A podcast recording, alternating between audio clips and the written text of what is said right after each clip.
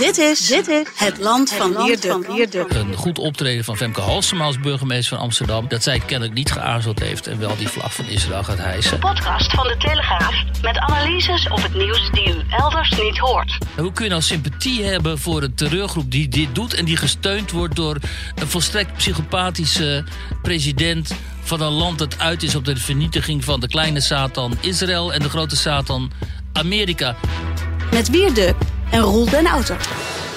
Hey Wiert, welkom bij deze speciale podcast die we doen naar aanleiding van de situatie natuurlijk in, uh, in Israël. Ja, en Gaza. En, uh, ja, en Gaza. En dit, is, dit was echt weer zo'n momentje zaterdagochtend dat ik dacht van dit is het moment dat ik over tien jaar nog weet. Wat, wat was jij aan het doen zaterdagochtend?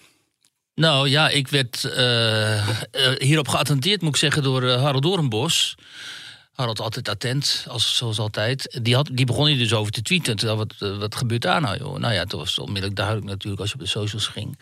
wat daar gebeurde. En uh, de enormiteit ervan, hè, van die aanval van uh, Hamas op... Uh, ja, Israël en vooral ook de uh, bijna absurditeit ervan. Omdat uh, als je daar geweest bent, en ik ben uh, daar onder andere aan die grens met Gaza geweest. Mm. Ja, als je daar staat, dan denk je dat is een on onneembare vesting, althans Israël dan.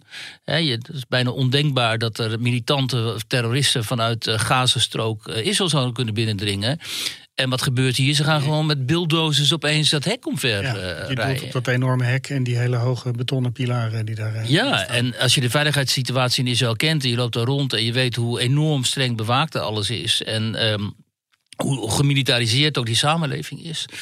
En, uh, en zeker daar rond uh, op de Westbank bijvoorbeeld, hè, maar ook rond Gaza dan is het bijna niet te begrijpen, en dat is het ook niet, dat uh, ten eerste dit heeft kunnen gebeuren. Dus dat die terroristen gewoon uh, daar heeft, hebben kunnen uitbreken, ook met zoveel wapens. En dat uh, de Israëlische veiligheidsdiensten, inlichtingendiensten, dit niet hebben weten te voorzien. Omdat wij er ook altijd van uitgingen natuurlijk dat de Israëlische inlichtingendiensten echt superieur zijn aan alle, alle anderen.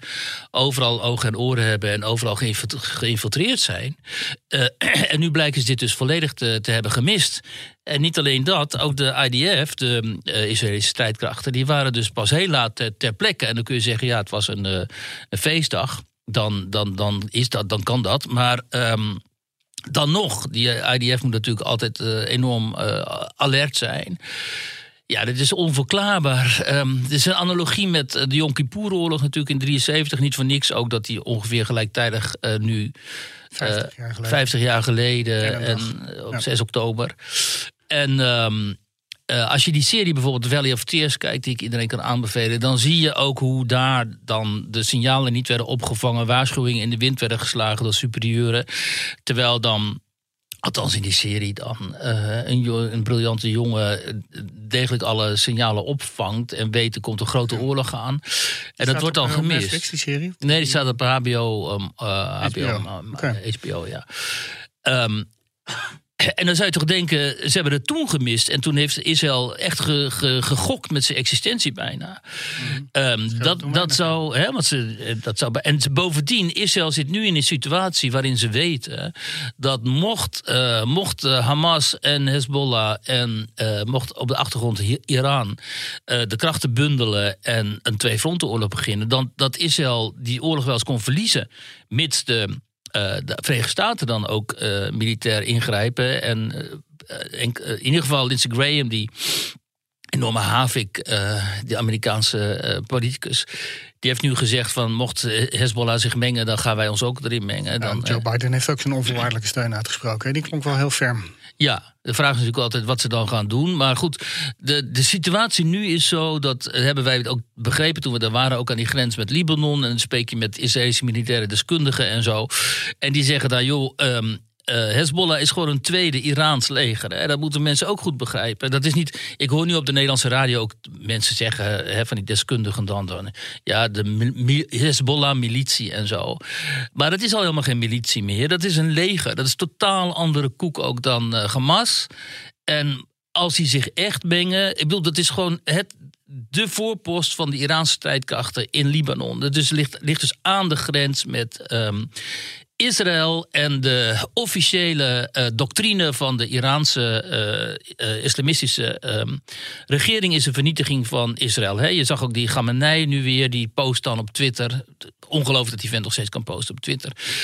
beelden van dat festival daar in de Negerwoestijn. Met al die rennende jongeren die voor hun leven rennen. Hè. Er zijn 260 van hen die zijn gewoon ter plekke afgeknald. En een groot aantal is meegenomen naar Gaza door die terroristen. En dan post hij dus die beelden van die, uh, die rennende jongeren. En dan juicht hij dat toe. dat is dus de, de, de belangrijkste man van uh, Iran. Dus de, die zijn uit op de vernietiging van de Joden en de vernietiging van de staat Israël. En Hezbollah is hun gewapende tak. Um, en nu is natuurlijk de grootste grote angst in Israël. Uh, gaat uh, Hezbollah zich daar ook in mengen? En vooralsnog, uh, gelukkig, is dat niet het geval. Ze hebben 40.000 raketten klaarstaan, wordt er elke keer geroepen. Mee. Ja, een enorm aantal manschappen. En ze controleren gewoon daar. en weet je, als je daar staat, dan begrijp je ook pas hoe kwetsbaar het is. Omdat je staat dan aan die grens en daar wonen gewoon Joden, Israëli's.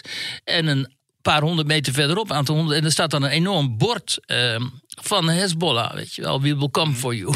Ja. Zoiets staat zo'n tekst staat al op. En je weet, ze zitten daar. Hè? En, ze, en ze, ze kijken nu ook, dat zeggen dan ook die Israëlische militairen. Van ja, we weten, ze, zij, ze zitten nu, ze observeren ons nu. Net zoals wij hen observeren. Ja, ook, ja en... Um, toch heb ik de indruk dat uh, misschien een nieuwe generatie Israëli's toch enigszins verslapt is op dit veiligheidsdossier. Misschien dat ze. Ja, dat krijg je natuurlijk altijd. Als je denkt, we zijn superieur en we kunnen dit wel aan. En dat Gaza, daar, daar komen af en toe wat raketten vandaan. Ja, je bent er in die buurt geweest, maar je vraagt je af waarom die mensen daar zo dichtbij wonen.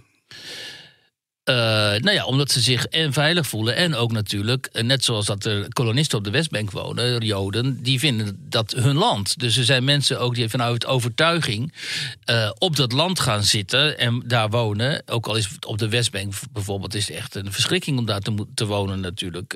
Als, als, als, als settler. Ook al heb je allerlei privileges, dan nog wil je daar niet. Je bent omringd door potentiële vijanden. Maar als jij vindt dat dit. Um, het Bijbelse land is. Zeker die Westbank, wat al als wordt, Judea Samaria, wat geacht wordt het kernland van het Jodendom te zijn. Ja, dan ga je er zitten. En, dan, en dat maakt het probleem ook zo totaal onoplosbaar. Omdat ehm, we hebben het niet, hier niet over rationele overwegingen. En wij geven jou wat land en jij geeft ons wat land. Het gaat over. het heeft bijbelse proporties. Het is religie. We zien hier ook een, een, religieuze clash. En ehm, de, moslims die Joden haten. Want in hun teksten staat: je moet Joden haten. En Joden die zeggen: dit is ons bijbelse land. Is voor ons. Dus uh, ga weg. En die ultra-orthodoxe Joden ook met name. die nu ook in de regering met uh, Netanyahu zitten ja, dat is natuurlijk ook een verschrikking, want die zijn voor geen reden vatbaar. Ja, dat is olie op het vuur natuurlijk. Dat is olie op het vuur. Die claimen dat het land is van hun en die gaan op een vreselijke manier ook met die Palestijnen om. Dan moet je ook geen enkele enkele illusie over koesteren. Die zien die Palestijnen ook gewoon als uh, zo halve beesten. Die ze het liefst uh, van hun land uh, verwijderen en in het ergste geval overhoop schieten. En die Palestijnse militanten die denken net zo over hun. En niet alleen de Palestijnse militanten, maar natuurlijk ook een heel groot deel van in ieder geval die Palestijnen die daar wonen op die Westbank en die Gaza. Die haten de Joden natuurlijk ten volle. En dan kun je zeggen, ja, maar er wonen ook heel veel Arabische Joden in Israël zelf. Um, Palestijnse, de, de Palestijnen binnen, Israëlische Palestijnen dus, of Palestijnse Israëli's.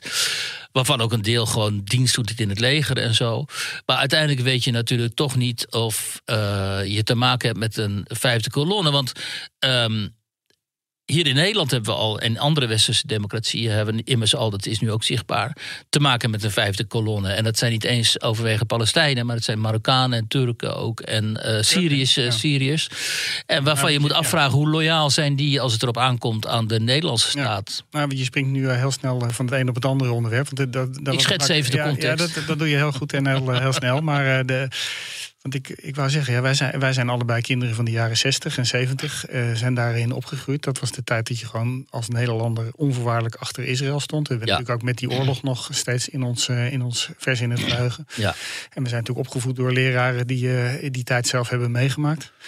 Maar dat is wel echt helemaal omgeslagen. Nou, dat is natuurlijk ook heel erg verontrustend. Want inderdaad, wij zaten natuurlijk aan de radio gekluisterd destijds. Hè, met Oh. die, eh, met die eh, grote oorlogen. En hè, in de kerken werd destijds gebeden voor de overleving van Israël. En is, in Nederland stond, ik herinner mij ook, een, de linkse Joop den Uil. Nederland stond gewoon vast aan de kant van, van Israël, ook Ja. Joop den Uil. En, ehm, en dat is nu natuurlijk voor een heel groot deel onder invloed van de massale immigratie. Van eh, Arabieren eigenlijk, daar komt op neer. Hè, mensen uit, en Turken ook, dus mensen uit moslimlanden. Is dat eh, volledig eh, veranderd. En dat is voor ons natuurlijk heel ingewikkeld om te zien, om te constateren. En ook heel naar om te moeten zien dat in grote steden in Nederland dan eh, demonstraties zijn voor Hamas. Omdat dat zijn dan demonstraties voor terroristen die dus mensen onthoofden, vrouwen verkrachten, vrouwen en kinderen, zelfs baby's meenemen als gijzelaar. Hele gezinnen vermoorden. Hè. Dan zie je die foto's van die jonge gezinnen. Het zijn gewoon jonge mensen met jonge kinderen. En die zijn gewoon over de kling gejaagd natuurlijk. Op eh, IS-achtige wijze. Hè. Dus Hamas is eigenlijk wat dat betreft verschilt er nauwelijks van, eh, van IS tegenwoordig. En dan zie je dus dat in onze contraien mensen daar sympathie mee hebben. En zelfs gaat het zover dat een aantal burgemeesters van grote steden in ieder geval eh, aanvankelijk. eh, eh, bedenkingen hadden over het hijsen van de Israëlische vlag. hè. In elk ander, na elke andere ramp, of die nu in Turkije een aardbeving is, of dat Oekraïne in oorlog raakt, of dat er elders overstromingen zijn, die vlaggen die worden gehezen. Hè, altijd. denk je dat ze nu zo terughoudend waren? Ja, omdat ze natuurlijk bang zijn voor de reactie uit hun eigen islamitische rellen. Ja, en iemand, hè, en ik, ik begrijp dat Jan van Zanen in Den Haag nu toch wel die vlag gaat hijsen. Nou, aanvankelijk wilde hij dat niet.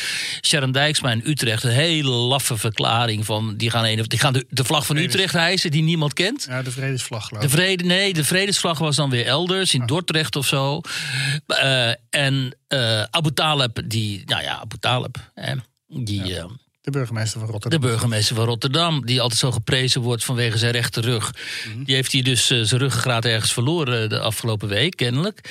Die wil die vlag dus niet hijsen. En kijk, ik ben helemaal niet van het vlagvertoon. Eh, Het zal allemaal wel. Hij is een Nederlandse vlag, weet je wel. Maar als je dus zo woke en zo, zo quasi geëngageerd bent... dat je voor elke, ook elke wissel was bijna...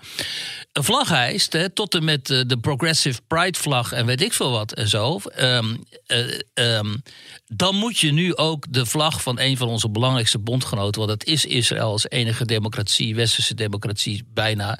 in het Midden-Oosten, dan moet je die vlag hijsen.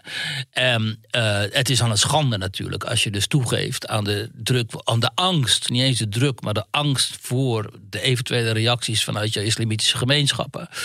Ja, natuurlijk, dat is, en dat moet ook gewoon... Het, wat ook zo raar is, is dit is zo overduidelijk een schande. En dat dat dan niet ook veel meer eh, uitgesproken wordt. Hè? En dan moet ik het mooie, ik was gisteravond op een bijeenkomst met eh, Joodse Nederlanders, 650 man ergens in eh, Amsterdam. Zwaar beveiligd. Je komt eraan, je weet niet wat je ziet, joh. Echt zwaar, zwaar, zwaar beveiligd. De eigen veiligheidsdienst, maar ook gewoon Nederlandse eh, officiële beveiligers en zo.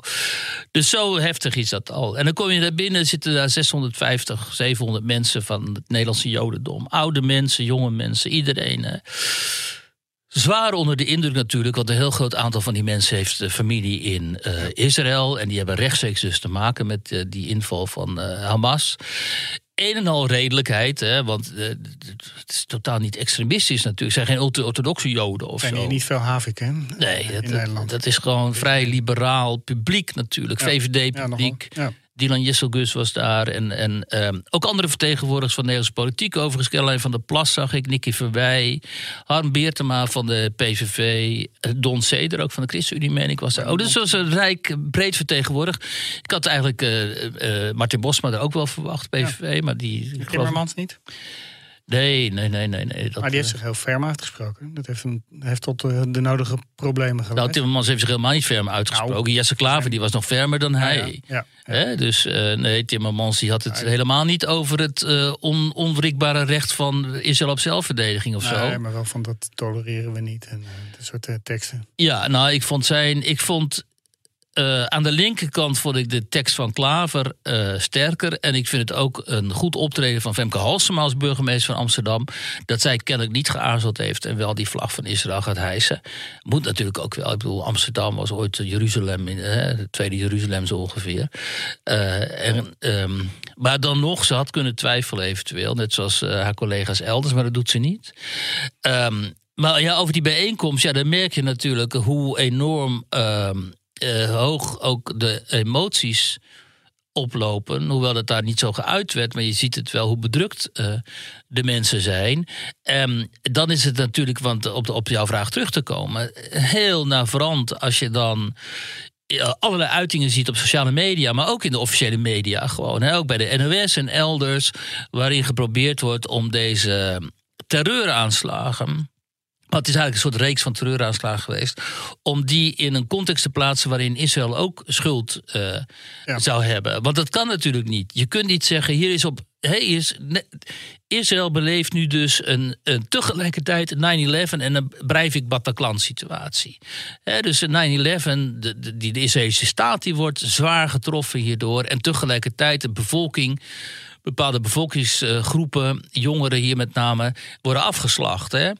Um, en wat mij dan bevreemdt is dat destijds rond Bataclan en, en 9-11 en ook uh, overigens uh, Breivik natuurlijk, uh, was de, de consternatie natuurlijk enorm. Zo van, wat is dit? Dit is zo mega, weet je. Dit is zo'n zo'n exorbitante terreuraanslag. Wat moeten we hiermee? En eh, in dit geval wordt het behandeld als een soort van soort collateral damage van een oorlog of zo die gaande zou zijn tussen Israël en Hamas. Snap je wat ik bedoel? Terwijl dat is natuurlijk niet zo. Dat, ik bedoel, dat zijn legerdoden, militaire doden. Zoals bij Oekraïne en Rusland. Wat een verschrikkelijke oorlog is en waar weer veel te veel mensen omkomen. Maar daar kun je nog zeggen: oké, okay, grotendeels richt zich die niet op onschuldige burgers. Ze vallen onschuldige burgers, omdat die Russen natuurlijk weer zo, zoals ze altijd doen indiscriminate, zoals het heet, ook uh, burgerdoelen aanvallen. Maar, dan, uh, maar met, met paragliders, of hoe heet die troep, uh, een, een festival in een woestijngebied bewust aanvallen om daar die jonge mensen overhoop te knallen. Ja, het leek een hele slechte bioscoopfilm. Maar dat, het was gewoon Mad Max. Ja, Mad Max. Dan zie je die beelden van die jongeren, eh, die, jongeren die daar aan het dansen zijn. En je ziet die paragliders, hoe heet dat speel ja. Die zie je aankomen vliegen. Hè? Ja, en achteraf hoorde ik dat ze allemaal dachten dat het bij het festival hoorde. Net als die knallen eerst, dat ze dachten van het is vuurwerk van het ja. festival. Ongelooflijk. En vervolgens gaan die jongens rennen, jongeren rennen en rennen. En dan worden ze achterna als wilde, als beesten worden ze doodgeschoten. En dan zou je toch verwachten dat de beschaafde wereld en de vrije wereld. Eh, nou ja. Misschien zelf, zou zelfs zou moeten zeggen. Uh, net zoals destijds gebeurde op de Balkan. Hè? Dat de Amerikanen zeggen: oké, we gaan een coalition of the willing hier bij elkaar uh, sprokkelen. En we gaan Hamas uitschakelen. Ja, maar dat wordt natuurlijk heel lastig, want Hamas heeft wel heel veel sympathie in allerlei landen. Ja, maar dat is dus het zieke eraan. hoe kun je nou, wat ik eerder zei, hoe kun je nou sympathie hebben voor een terreurgroep die dit doet en die gesteund wordt door een volstrekt psychopathische uh, president van een land dat uit is op de vernietiging van de kleine Satan Israël en de grote Satan Amerika. Helemaal als jij deel uitmaakt van het Westen, zoals wij doen. Ik bedoel, je kunt heel veel kritiek hebben. Je kunt kritiek hebben op Amerikaans buitenlands beleid. Heb ik ook heel veel op, op die Amerikaanse invasies. Op de manier waarop de Amerikanen en ook de Europese Unie zijn omgegaan met Rusland in zaken Oekraïne. Daar kun je allemaal kritiek op hebben. Maar uiteindelijk, in die end, ben je natuurlijk een, een, een lid van de vrije wereld. Want dat is dit nog altijd, ondanks al dat gedoe over hè, dat, die kritiek op coronamaatregelen en World Economic Forum, bla bla bla. Wij zijn de vrije wereld. En dan als een, onze, zeg maar, onze bondgenoot, onze zo, eh, eh belangrijkste bondgenoot in het Midden-Oosten, op deze manier uh, wordt aangepakt en, eh, en, en hun jeugd op deze manier wordt overhoop geknald. Ruksigloos en geparadeerd in de straten van Gaza-stad. Dat, dat Duitse meisje dat daar op die truc ligt, weet je nog, in de, in de ronde goed. Andere vrouw, mij, ik las net een stuk. Um, eh, iemand die had ooggetuigen van het festival gesproken. En die vertelt dan ook hoe ze dan vrouwen verkracht werden naast de lijken van hun eh, vrienden. Weet je, al, op dat festival. En vervolgens worden ze dus onder het bloed worden ze door de straten van Gaza gevoerd. Dat is gewoon IS. Dan, ik bedoel, waar is je moreel kompas als je op dat moment niet begrijpt nu moeten wij solidair zijn. Weet je, ondanks alle kritiek ook op Israël, ondanks alle kritiek ook op dat ultra-orthodoxe element in de Israëlische regering, wat echt inderdaad heel ernstig is en wat heel veel, waartegen niet voor niks heel veel Israëli's ook in opstand kwamen de afgelopen maanden. Niettemin moet je nu natuurlijk solidair zijn. En als je dat niet bent, ja, dan is er gewoon een heel groot probleem. En wij hebben nu dus, en daarom wilde ik ook graag deze podcast doen, omdat dit is niet een buitenland podcast of per se een politieke podcast, het is natuurlijk vooral ook een maatschappelijke podcast, sociaal. Uh, wij moeten ons heel erg afvragen: uh, wat moeten wij met die groepen die dus uh, niet loyaal zijn aan uh, onze westerse liberale democratie maar die zich loyaal tonen aan een niets ontziende uh, IS-achtige terreurgroep als uh, Hamas. Nou, zeg het maar, Roel. Ja, ja, nou ja, jij gooit de vraag op, maar ik, mijn bloed kookte toen ik dit weekend dit allemaal zag en hoorde. Ik heb bewust niet naar al die afschuwelijke filmpjes gekeken. Ik heb gezien wat er, hoe ze beschreven zijn. Ik, ik, ik, trok dat, ik trok dat echt niet meer. Ja, tot en met onthoofdingen en zo. Ja. Hè? Maar ik, ja, mijn eerste boze reactie was veeg nu Iran ook maar gewoon. Ga, daar, ga daar maar eens binnenvallen. Ja, maar dat kan dus niet. Dat is het centrum van al het kwaad. Ja, ja. Ook al richting Oekraïne en Rusland trouwens. Maar, uh, maar nu hier spelen ze weer een hele dubieuze rol. Het is natuurlijk eigenlijk maar een relatief heel klein land, Iran. Nou, wat maar ja, het hebben. Um, kijk, als je geopolitiek wil benaderen, dan kunnen we ons afvragen. Kijk, Rusland is natuurlijk bondgenoot van uh, Iran. En Hezbollah heeft heel veel. En is Hezbollah is de strijdende arm van uh, Iran in het buitenland. Dat is gewoon hun buitenlandse operator, zeg maar.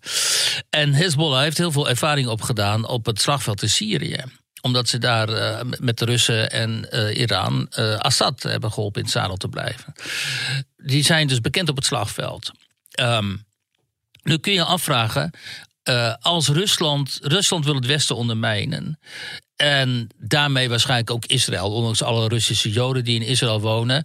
Maar Rusland heeft er belang bij om het Westen te ondermijnen. En waarschijnlijk dus ook uh, heeft er belang bij om Israël te ondermijnen. Uh, ondanks dat er altijd wat toenaderingen zijn tussen die twee landen en zo. Op, ook op grond van al die onderlinge uh, contacten. Um, nou, wat kun je dan beter doen als, je, als het front in Oekraïne sowieso stagneert?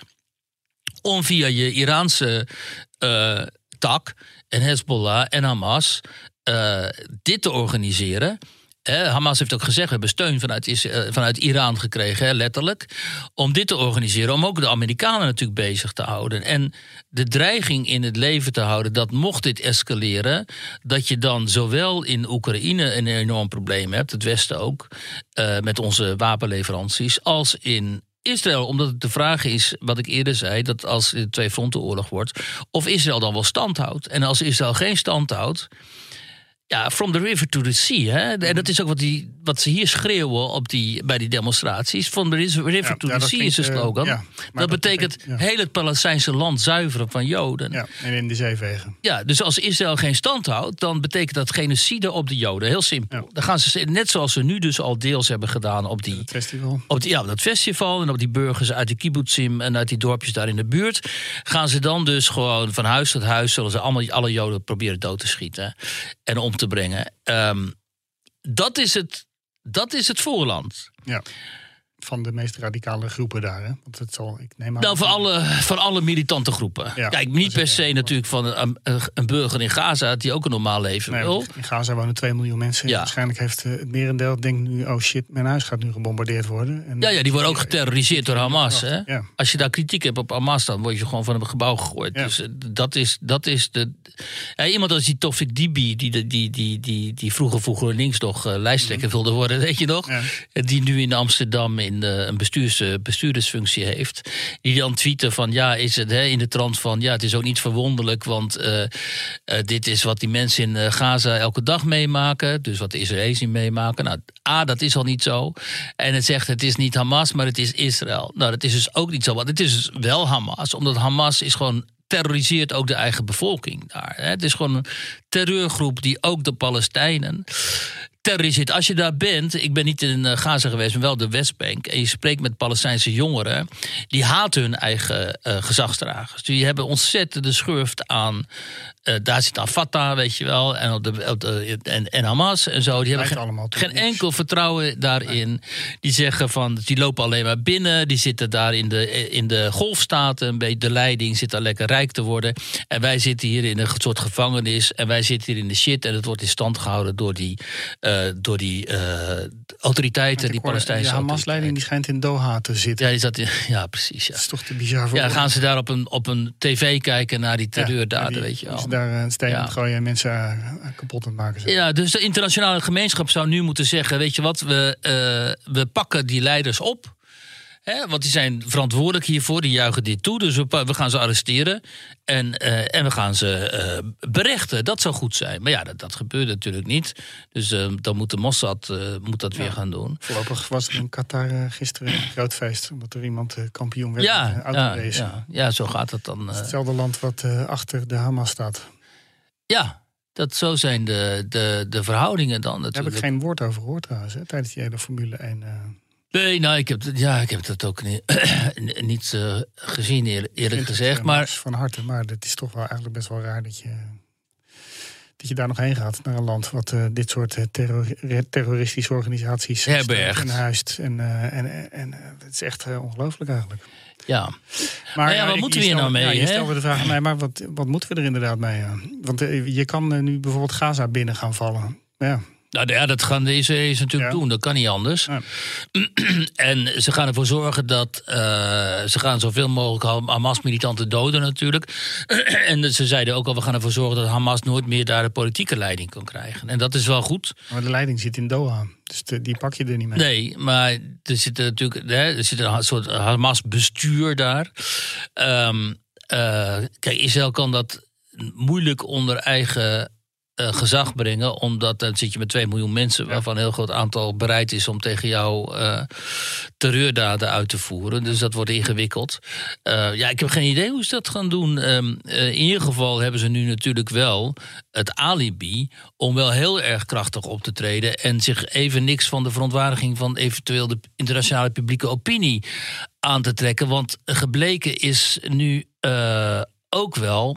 Um, dat ook al trek je iets daarvan aan, hè, want Israël trekt zich er altijd wel iets van aan natuurlijk. Die willen toch hè, laten zien dat ze op een beschaafde manier oorlog voeren daar en zo. Dus dan zijn ze heel erg gevoelig voor de publieke opinie. Maar ja, ook al trek je daar iets van aan. Dan, dat maakt geen enkele indruk, omdat uh, binnen die islamitische gemeenschappen... en ook de linkse beweging trouwens in onze westerse democratieën... Uh, wordt Israël sowieso gehaat. Hè. Er is een heel dun lijntje tussen Israëlkritiek en antisemitisme. Nou, ga er maar vanuit, het is eigenlijk gewoon van 90% antisemitisme, heel simpel. En, um, en antisemitisme sla je er niet uit natuurlijk. Dan kun je nog zo voorbeeldig quasi um, te werk gaan...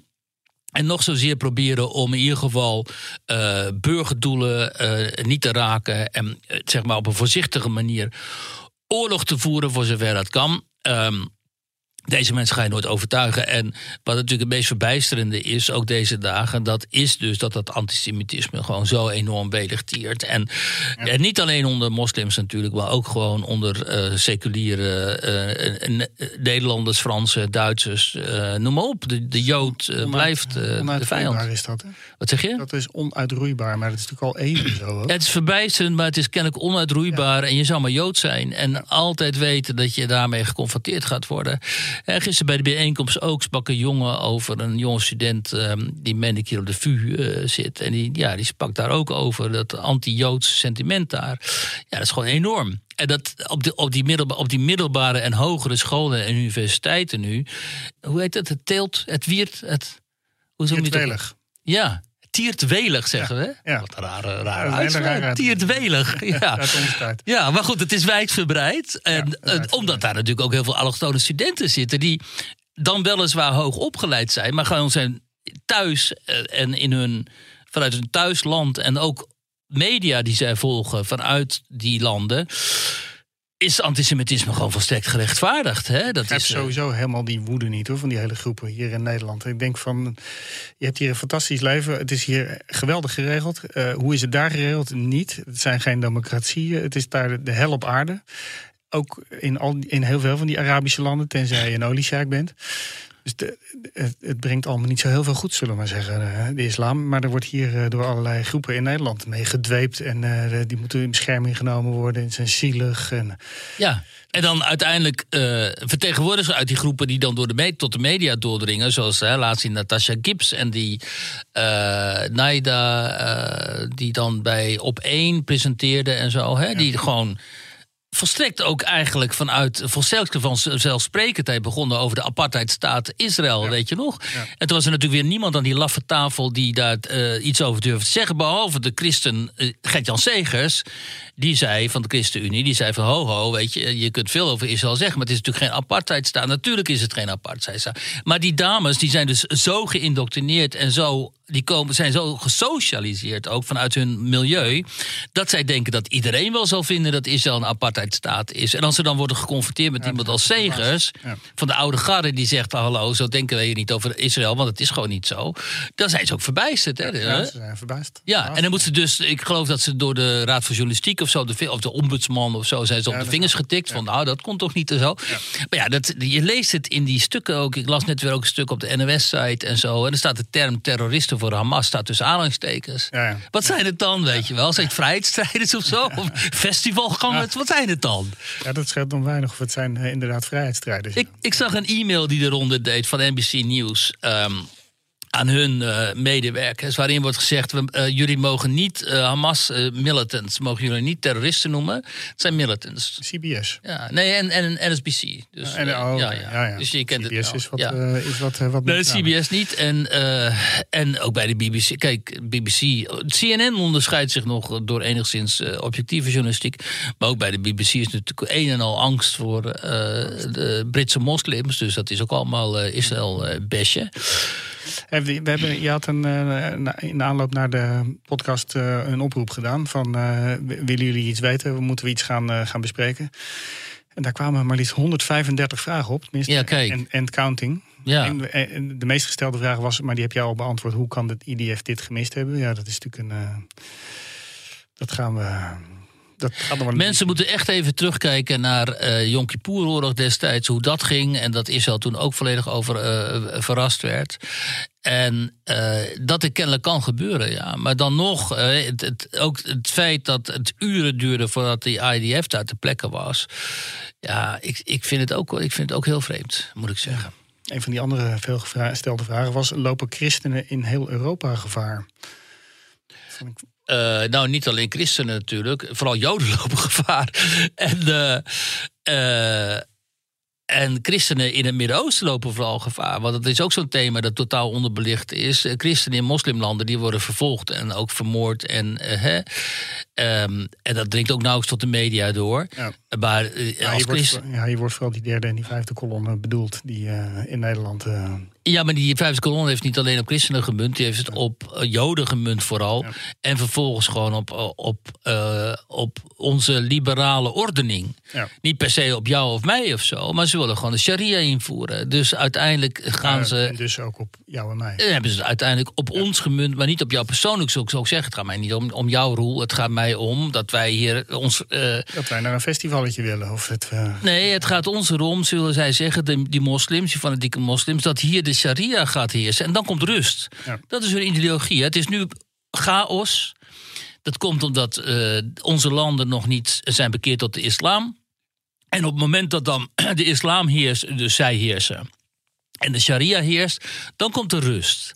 En dan, dan, dan geldt er ook geen verwijt naar jou of mij of zo. Uh, maar die ordening moet veranderen. En dat, dat, dat al die naïeve linkse mensen die ik zo langzamerhand echt, ik kan ze niet meer aanhoren. Al die, die, die, die about mensen, whataboutism mensen die zeggen ja maar Israël of ja maar het Westen, ja maar het koloniale, ons koloniale verleden en zo. Ze snappen helemaal niet waar we mee te maken hebben. Want dit is waar we mee te maken hebben. Nou, met die groepen die daar nu staan te demonstreren voor Palestina. Dat is maar een heel klein deel van een hele grote gemeenschap, de Oema. Die uiteindelijk, voor wie het uiteindelijk vanzelfsprekend is. dat de islam de, de geaccepteerde maatschappelijke, politieke, religieuze ordening wordt. Ook hier. En daar hebben ze gewoon net als Chinezen dat hebben, heel veel geduld mee. Hè, dat, kan, dat hoeft niet per se nu of over tien jaar of honderd jaar of zo, maar ooit, ooit zal het zo zijn. En die mensen die nu voor Palestina staan te schreeuwen daar, dat zijn de, de, de, vooruit, dat zijn de frontsoldaten, weet je wel. En je hebt die frontsoldaten, nou, die zitten ook in de Tweede Kamer, hè, bij GroenLinks en zo. Idioten noemen ze dat. Nee, dit zijn, dit zijn de frontsoldaten. De nuttige idioten zijn de mensen op links... die niet moslim zijn, maar die meedoen. Dat zijn de nuttige idioten. De communisten, de, de Bolsjewieken, de Russen, de Sovjets... die hadden ook nuttige idioten. Dat waren dan westerse intellectuelen... die dan ook communistisch waren... en die gingen dan naar China of naar de Sovjet-Unie... en die kwamen terug en zeiden... dit zijn fantastische landen. Dit is paradijs op aarde. Terwijl ze zouden de eerste zijn die daar onthoofd zouden worden, zeg maar de nuttige idioten zijn die nuttige idioten, zijn die idioten die met een spandoek lopen, queers voor Palestijn. Terwijl zij zijn de eerste die van een, van een gebouw worden gegooid daar in Palestina, weet je wel, als ze zich daar zouden manifesteren als, ehm, als queer. Rob Jetten ging naar Iran. Rob Jetten is geen useful idiot. Maar hij ging naar Iran volgens zijn Instagram. Met een jongen en twee vrouwen. Waarom nam hij die Ja. twee vrouwen mee? Dat is alibi. Alibi. Ja. Dat is het. En, en dan kun je er wel altijd om, omheen draaien en zo. En zeggen, er zijn heel veel goede. Ja, er zijn inderdaad heel veel goede moslims. Dat is geen. En hè, ik, ken ze ook. Ik bevriend mee. Prima, geen enkel probleem. Maar het uiteindelijke doel is wat anders. Weet je? En het uiteindelijke doel is ook het politieke doel van groepen als Hamas en Hezbollah en Iran. Om in ieder geval die ongelovige ons als ongelovigen eh, van de kaart te vegen, maar ook de Joden als hun traditionele vijand, weet je. En dan, dan moet je niet daaraan toe gaan geven en zeggen: Oké, weet je wel, we hijsen die vlag wel niet, want we hebben zoveel eh, empathie met jullie. Nee, je moet zeggen: Weet je wel, terug in je hok. Ga naar je, desnoods naar moskee, ga doen wat je wilt, hè, vrijheid van godsdienst enzovoort. Maar wij maken hier de, dienst uit. En dat is dus zo goed aan Duitsland. Ik weet dat de Duitsers dat doen vanwege hun oorlogsverleden en de holocaust. En ze voelen zich nog altijd verschrikkelijk schuldig. Dus ze zullen altijd de kant van Israël kiezen. Maar in Duitsland heb je ook grote islamitische gemeenschappen. Eh, een eh, enorm groot aantal immigranten uit het Midden-Oosten enzovoort. Maar de Duitsers die projecteren gewoon die Israëlische vlag op de brandende door. En uiteindelijk, en dat is, dat is gewoon zo in Duitsland, dat is een krankzinnig politiek correct land. Maar ze hebben wel een eh, moreel kompas. En uiteindelijk geeft die staat, die wijkt niet. Weet je wel? En bij ons wijkt de staat altijd. Ook omdat we zo'n consensussamenleving zijn en een zuilensamenleving. Dus we hebben altijd gedacht, eh, al die zuilen die moeten gerespecteerd worden. En we moeten met al die zuilen kunnen praten en zo.